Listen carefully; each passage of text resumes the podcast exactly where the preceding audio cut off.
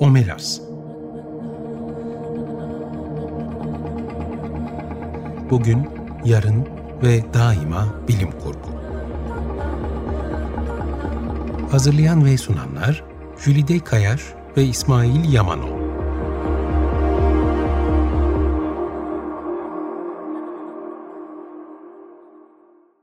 Merhaba, 95.0 Açık Radyo'da Omelas'a hoş geldiniz. Ben Jülide Kayaş. Ben İsmail Yamanol. Ee, bilim kurgudan, bilim kurgunun türlerinden, tarihinden söz ettiğimiz programımıza devam ediyoruz.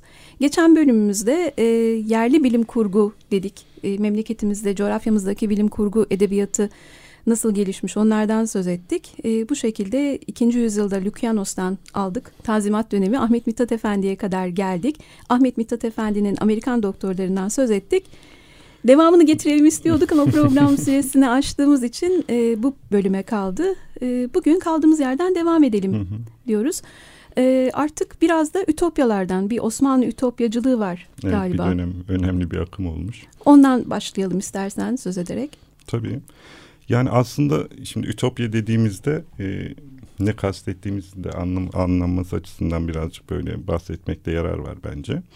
Ütopya kelimesi neredeyse tüm dünya dillerinde İngiliz yazar, hukukçu ve siyaset adamı Thomas More'un o meşhur aynı adlı e, kitabından girme. E, peki nedir az, esasen ütopya? E, kusursuz toplumlar, harikulade yaşamlar, sorunsuz yürüyen sistemler diye de özetleyebilir. Zaten kelime anlamı itibariyle de Yunanca'daki o ve topaz. Topos sözcüklerinin birleşiminden geliyor. Olmayan yer. Olmayan yer. Evet yani e, gerçekte olamayacak kadar güzel diyar anlamına gelen bir sözcük. E tabii e, Batı'da ütopyacılık aslında bir dönem özellikle işte e, 17-18. yüzyıllarda örnekleri var yazılmış. E, özellikle Jules Verne'in de işte o gelecek dünya betimlemelerinden falan etkilenen Osmanlı yazarlarında da e, bir ütopyacılık akımı başlamış. Özellikle Tanzimat dönemine denk gelen bir e, aralıkta. Tabii bizim Osmanlı dönemindeki ütopyalar e, batıdakinden biraz farklı. Bizde daha çok böyle e, dini ütopyalar e, gün yüzüne çıkmış. Arada tekno ütopyalar var. Onlar bizim zaten konumuza giriyor. Bu dini ütopya derken tam olarak nedir? Onu biraz e, açar mısın? Tabii şeriatın mesela tüm dünyaya hakim olduğu bir gelecek tasavvuru kuranlar olmuş. Ya da Osmanlı'nın dünyada bir süper güce dönüştüğünü anlatan ütopyalarımız var. E, bunun dışında çok çok gelecekte mesela yüzlerce yıl gelecekte Osmanlı'nın işte e, tüm dünyayı kontrol altına aldığı, kendi sistemini tüm dünyaya egemen kıldı ve hatta belki Ütopya'nın çok kelime anlamına da uymuyor ama tüm dünyayı sömürgesi haline getirdiği böyle örnekler de var o dönemin yazılan kitaplarında. E, tabii ki bunlardan bahsedeceğiz. Kim ne hayaller kurmuş, ne tür ütopik düşlere e, kendisini adamış. Bunlardan bahsetmeye çalışacağız. Evet mesela o dönemde yine e, bu hayaller derken serveti fünuncular var. Onların kendilerine göre hayalleri var. E, onlar dediğin gibi hani hayal etmek mevcut durumdan hoşnut olmadığı için kusursuz bir dünya, kusursuz bir düzen hayaliyle yola çıkıyor bu insanlar. Servet Fünuncular sanat sanat içindir diyen kendi içine dönük daha naif, daha e, romantik, duygusal Kapalı diyelim. kutular. Kapalı kutular diyelim. E, çok daraldıklarında artık bir dönem istibdattan diyorlar ki biz buradan bir hicret edelim, gidelim ama nereye gidelim, nereye gideceklerini de bilemiyorlar. Kimler bu insanlar? En başta işte Servet-i Fünunculardan söz edersek Tevfik Fikret, Mehmet Rauf, Hüseyin Kadri, Hüseyin Cahit, Ahmet Hikmet Müftüoğlu bu isimler mesela akla gelenler. Tevfik Fikret e, Mehmet Rauf'u görevlendiriyor bu gidilecek, hicret edilecek yeri bulmak için nereye gitsek dedikten sonra. Mehmet Rauf da bu sırada Tarabya'da irtibat subayı, deniz irtibat subayı 24 yaşında daha o kadar gençler ki Genç. çocuklar neredeyse orada e, ahbaplık ettiği İngiliz deniz subaylarını soruyor işte diyor biz burada çok daralıyoruz bir yerlere gitmek istiyoruz. o sırada evet e, ve bu sırada tabii şeyler e, İngilizlerin de Yeni Zelanda ile çok ilişkisi var. Oraya gidenler çok hani oraya yerleşenler çok diyorlar ki Yeni Zelanda diye bir memleket var böyle yeşil böyle şahane. Peter Jackson da sonradan fark etmiş zaten bunu. evet boş yere oralarda çekilmemiş o filmler.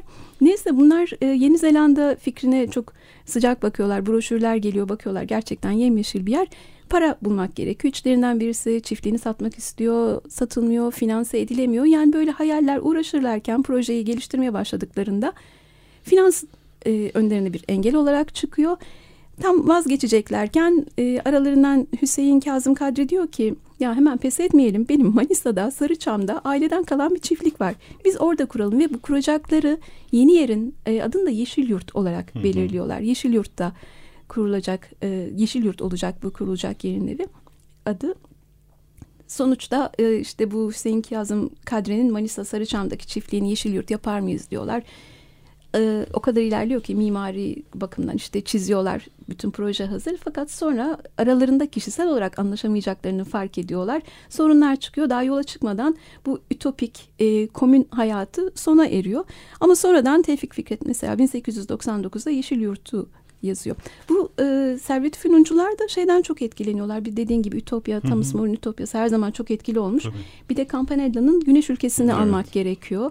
İlla böyle herkesin çok mutlu olduğu, e, gidince iyi olacakları yerler. Sonrasında da e, Cumhuriyet'in ilanına kadar da başka ütopik metinler yayınlanmaya devam ediyor. Evet. Hatta e, şey de var belki onlardan da bahsetmek lazım. E, o ütopyaların yazılma sürecinde hapnameler. Dilersen onlardan kısaca evet, bahsedelim. Evet, evet. Habnameler. Ya bu ütopyaların büyük bir kısmı e, habname formatında yazılıyor. Habname dediğimizde rüya anlatısı demek. Hab Farsça'da rüya, uyku anlamına geliyor daha çok sıcak iklim anlatısı olarak da geçiyor. Yani insanın gözünde şöyle bir şey canlanıyor. Sıcak iklim dediğimiz yerde bu insanlar herhalde şey diye düşünüyor. Anlatıcı uykuya dalıyor, bir rehavet çöküyor ve ondan sonra uyan uykusunda, rüyasında hayalini kurduğu yerlere gidiyor. Uyandığında da onları Rüyaname anlatıyor. Gibi. Rüyaname gerçek anlamıyla öyle. İşte bunlardan en önemlisi e, çok e, ilk tekno ütopya olması bakımından değerli, önemli bulduğumuz Molla Davutzade Mustafa Nazım'ın Rüyada Terakki ve Medeniyeti İslamiyi Rüyet adlı Tek eseri. seferde söyledin, tebrikler. evet, daha önce bayağı bir uğraşaraktan diyelim. Ee, yazar hakkında çok fazla bir bilgi yok elimizde. Sadece işte Babali Caddesi'nde bir Asrı Vatan Fabrikası varmış. Onun sahibi. Yani Hı-hı. bu aslında bir fabrikatör olması teknoloji ve bilime, mühendisliğe yakın olduğu anlamına geliyor. Bu yüzden de zaten anlatısında e, bunlara epey yer veriliyor. Tekno ütopya dememiz ondan. E, kitap bir ütopya, anlatı bir ütopya ama aslında e, merkezinde Balkan Savaşları var. Hmm. Demiştin ya hani e, büyük Osmanlı hayali evet. var. Hani ne kadar bir yenilgi varsa gerçek hayatta diyelim. İşler ne kadar kötü gidiyorsa. İşler ne Ütopya'nın temelinde evet. herhalde böyle bir şey var.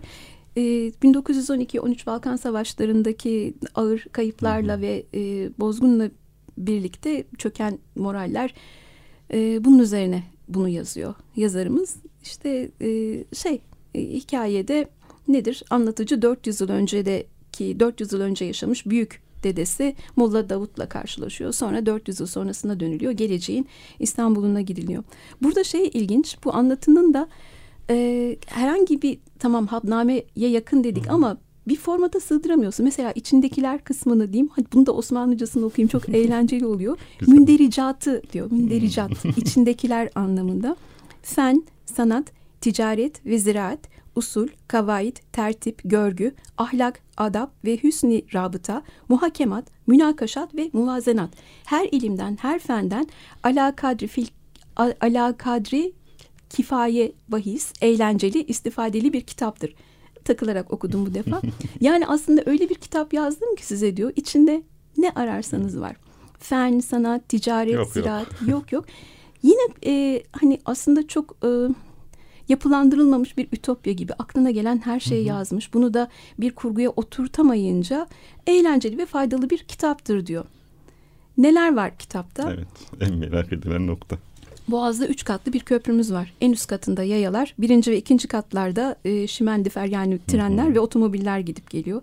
İstanbul nüfusu 10 milyon. Ah. İnanabiliyor musun? Çok bu bir ütopyaymış evet.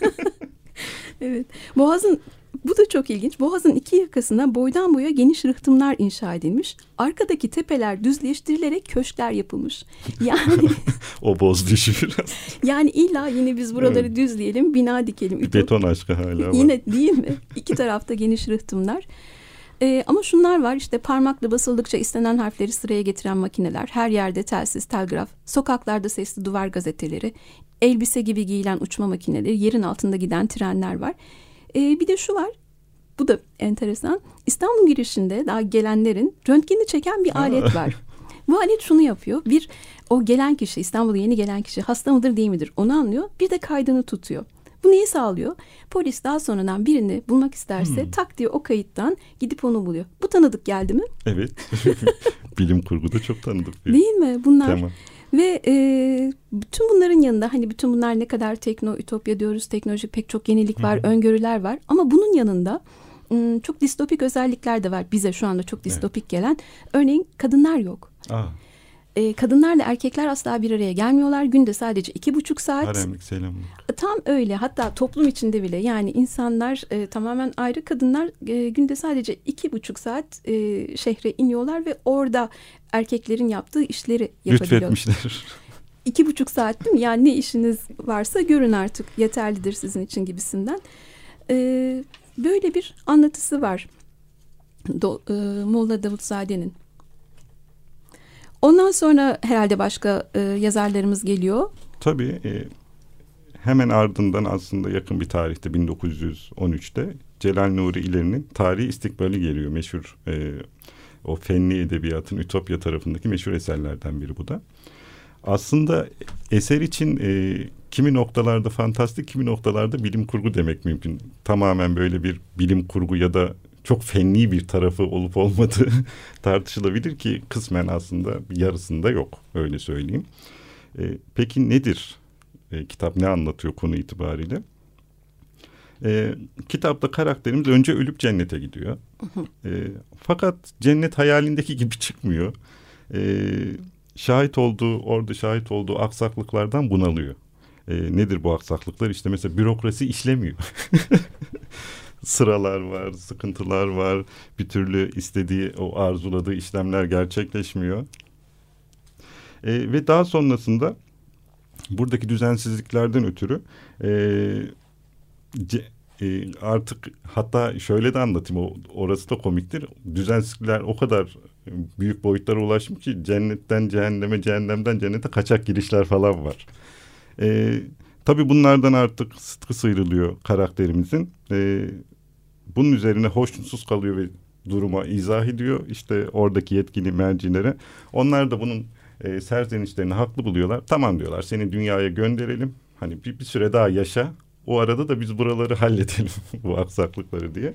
Fakat dünyaya gönderirlerken o zaman koordinatlarında ufak bir hata oluyor. Hmm. Kendisi normal yaşadığı zamana gönderilecekken 152. yüzyılın İstanbul'una gönderiliyor. Madem diyor hayal ediyorum. 152 yüzyıl sonrasında düşünebilirim ben diyor.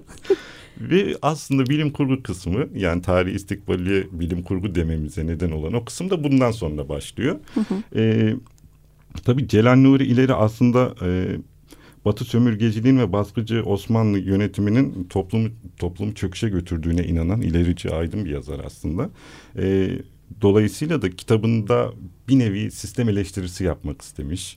E, bir nevi aslında batıdaki o teknolojileri de eleştirmek istemiş ve dolayısıyla da ortaya böyle çok uzak gelecekte geç e, geçen ama aslında yine içinde yaşadığı günü, e, toplumu ve politik yapıyı eleştirmek üzerine kurulu bir hikaye yazmış.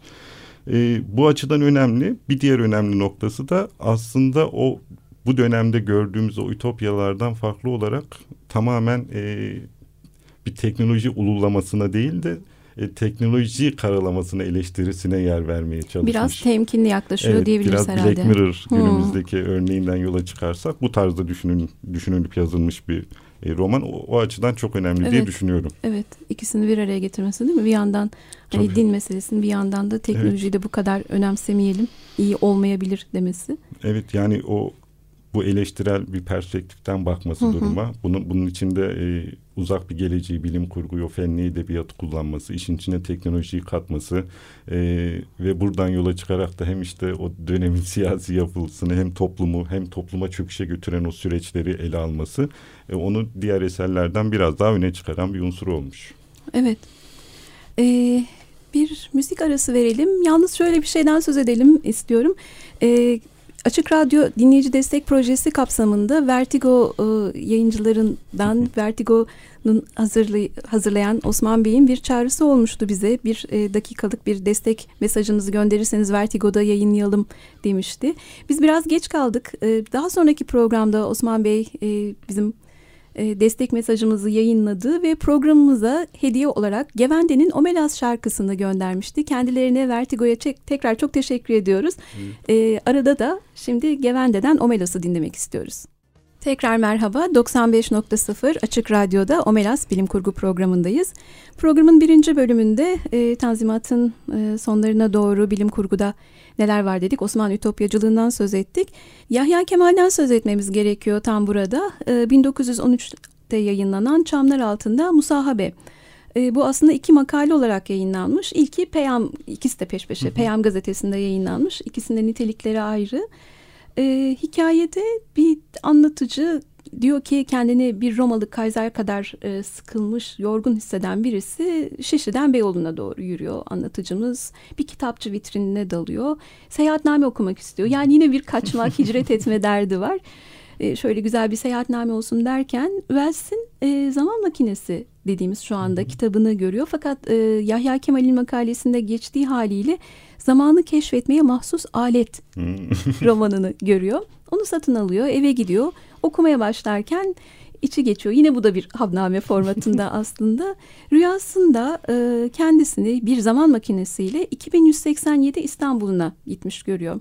Böyle birden kendini görkemli bir köprüde buluyor. Köprünün üstünden açık e, köprünün üstü tayyareler geçiyor. Şeyde burada tayyare yani uçaklar ağırlıklı bir önem taşıyor. Demek ki hani teknolojiyle Yahya evet. Kemal'in e, bilimle kurduğu en önemli bağlantı bu diyebiliriz. Evet, yani burada anlattığı ne kadar e, teknolojinin geliştiği, her şeyin iyiye gittiği, yine Osmanlı'nın iyiye gittiği şeklinde. Bu makaleden 7 ay sonra e, Çamlar Altında Musahabe 2'yi yayınlıyor. Fakat bu sefer bilim kurgu değil, daha çok ütopya oluyor. Diyor ki e, Osmanlı ülkesi dünya ölçeğinde bir bilim ülkesi olmuştur artık burada. Hatta diyor ki uygarlığın mıknatısı İstanbul'dadır. Bu kadar iddialı. Hatta hatta bilim yapmak için gelen insanlar, bu şehre gelen insanlar bu bilim ülkesinden gitmek istemezler. Erasmus, Kopernik, Montaigne ve Galilei ülkelerine geri dönmeyerek Osmanlı ülkesinde ölürler. Bu ikinci makalenin konusu. Fakat e, o dönemde geçen programda da konuşmuştuk hatırlarsan. Jules Verne ve Wells'in çok etkisi olmuş. Tabii. Bu aydınlar hem çeviriler, e, çeviriler olmasa bile e, Fransızca, İngilizce bildiği için pek çoğu e, dışarıdaki literatürü çok iyi takip ediyorlar. Hatta Yahya Kemal e, Wells gördüğün gibi zaten birinci makalesinde doğrudan kitabı almış. Zaman makinesi kavramı çok ilgisini çekmiş. Diyor ki e, Wells bu yıllarda Chicago'dan e, Tokyo'ya en ziyade okunan bir günümüz yazarıdır.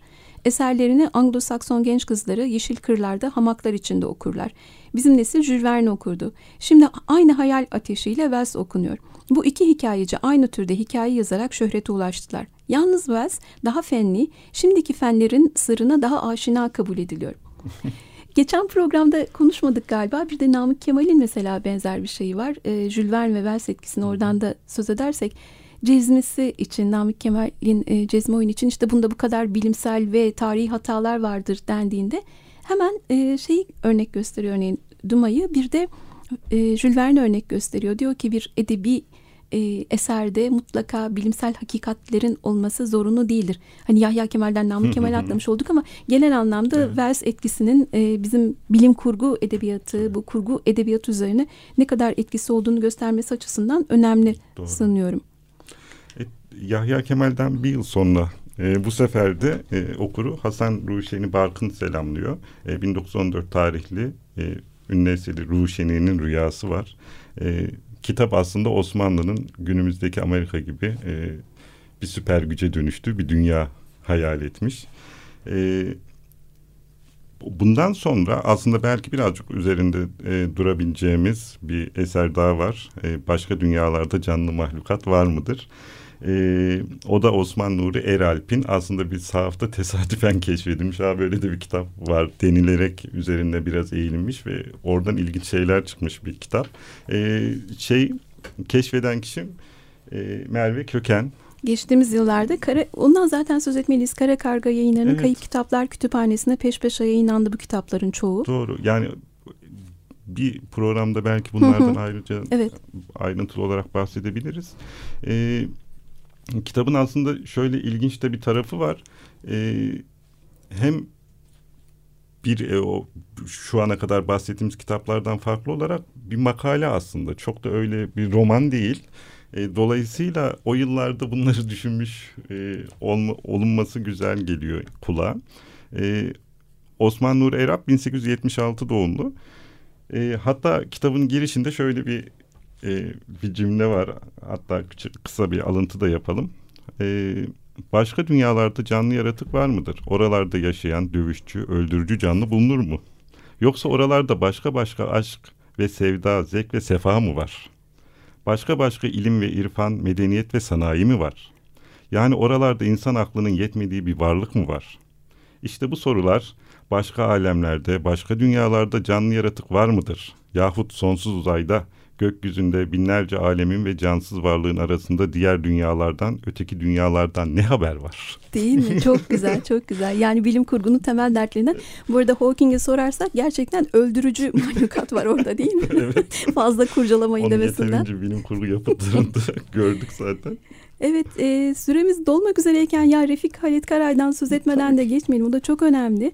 Onun da 1921'de Hülya Buya, e, Hülya Buya isimli bir eseri var. E, olaylar 1921 Ankara'sında geçiyor. Önemli konu şu, mecliste geçiyor mesela. Meclise e, milletvekilleri gitmeyebiliyorlar, vekiller gitmiyorlar. Uzaktan konuşucu ya da sesli telefon kullanarak işlerini bulundukları yerden takip ediyorlar. İşte yollar kendiliğinden hareket ediyor, yürüyen yollar falan filan bir sürü şey var. Fakat bu vekillerin uzaktan işlerini takip etmesi kısmında çok e, bir ayrıntı. Eğer e, diyor kitapta geçen şey e, celse pek gürültülü olur, kapanmak iktiza ederse reis bir düğmeye basar, telefonların cereyanı kesilir. Diyoruz ki bilim kurgu hani e, kristal küresine bakarak geleceği görmüyor ama bazen de insan şüpheye kapılmıyor değil, değil mi? Öyle hatta çok e, güncel bir konuya da aslında parmak basmıştı o zamanlardan. Biliyorsun çok önemli yasalar geçiyor şu sıralar meclisten. Muhalefet milletvekilleri neden meclise o oturumlara katılma diye eleştiriliyor. Ta o zamanlardan bir Değil bağlantı mi? kurmak mümkün. Evet, evet. Ee, biz yine çok anlatmaya çalıştık. Süremizi doldurduk. Ee, kayıtları arşivden her zaman e, Açık Radyo'nun web sitesindeki kayıt arşivinden ve Spotify'dan ulaşabilirsiniz önceki programların kaydına. Bize program omelas.gmail.com e, adresinden ulaşabilirsiniz, mail atabilirsiniz. Dinlediğiniz için çok teşekkürler. İki hafta sonra görüşmek üzere. Hoşçakalın. Hoşçakalın.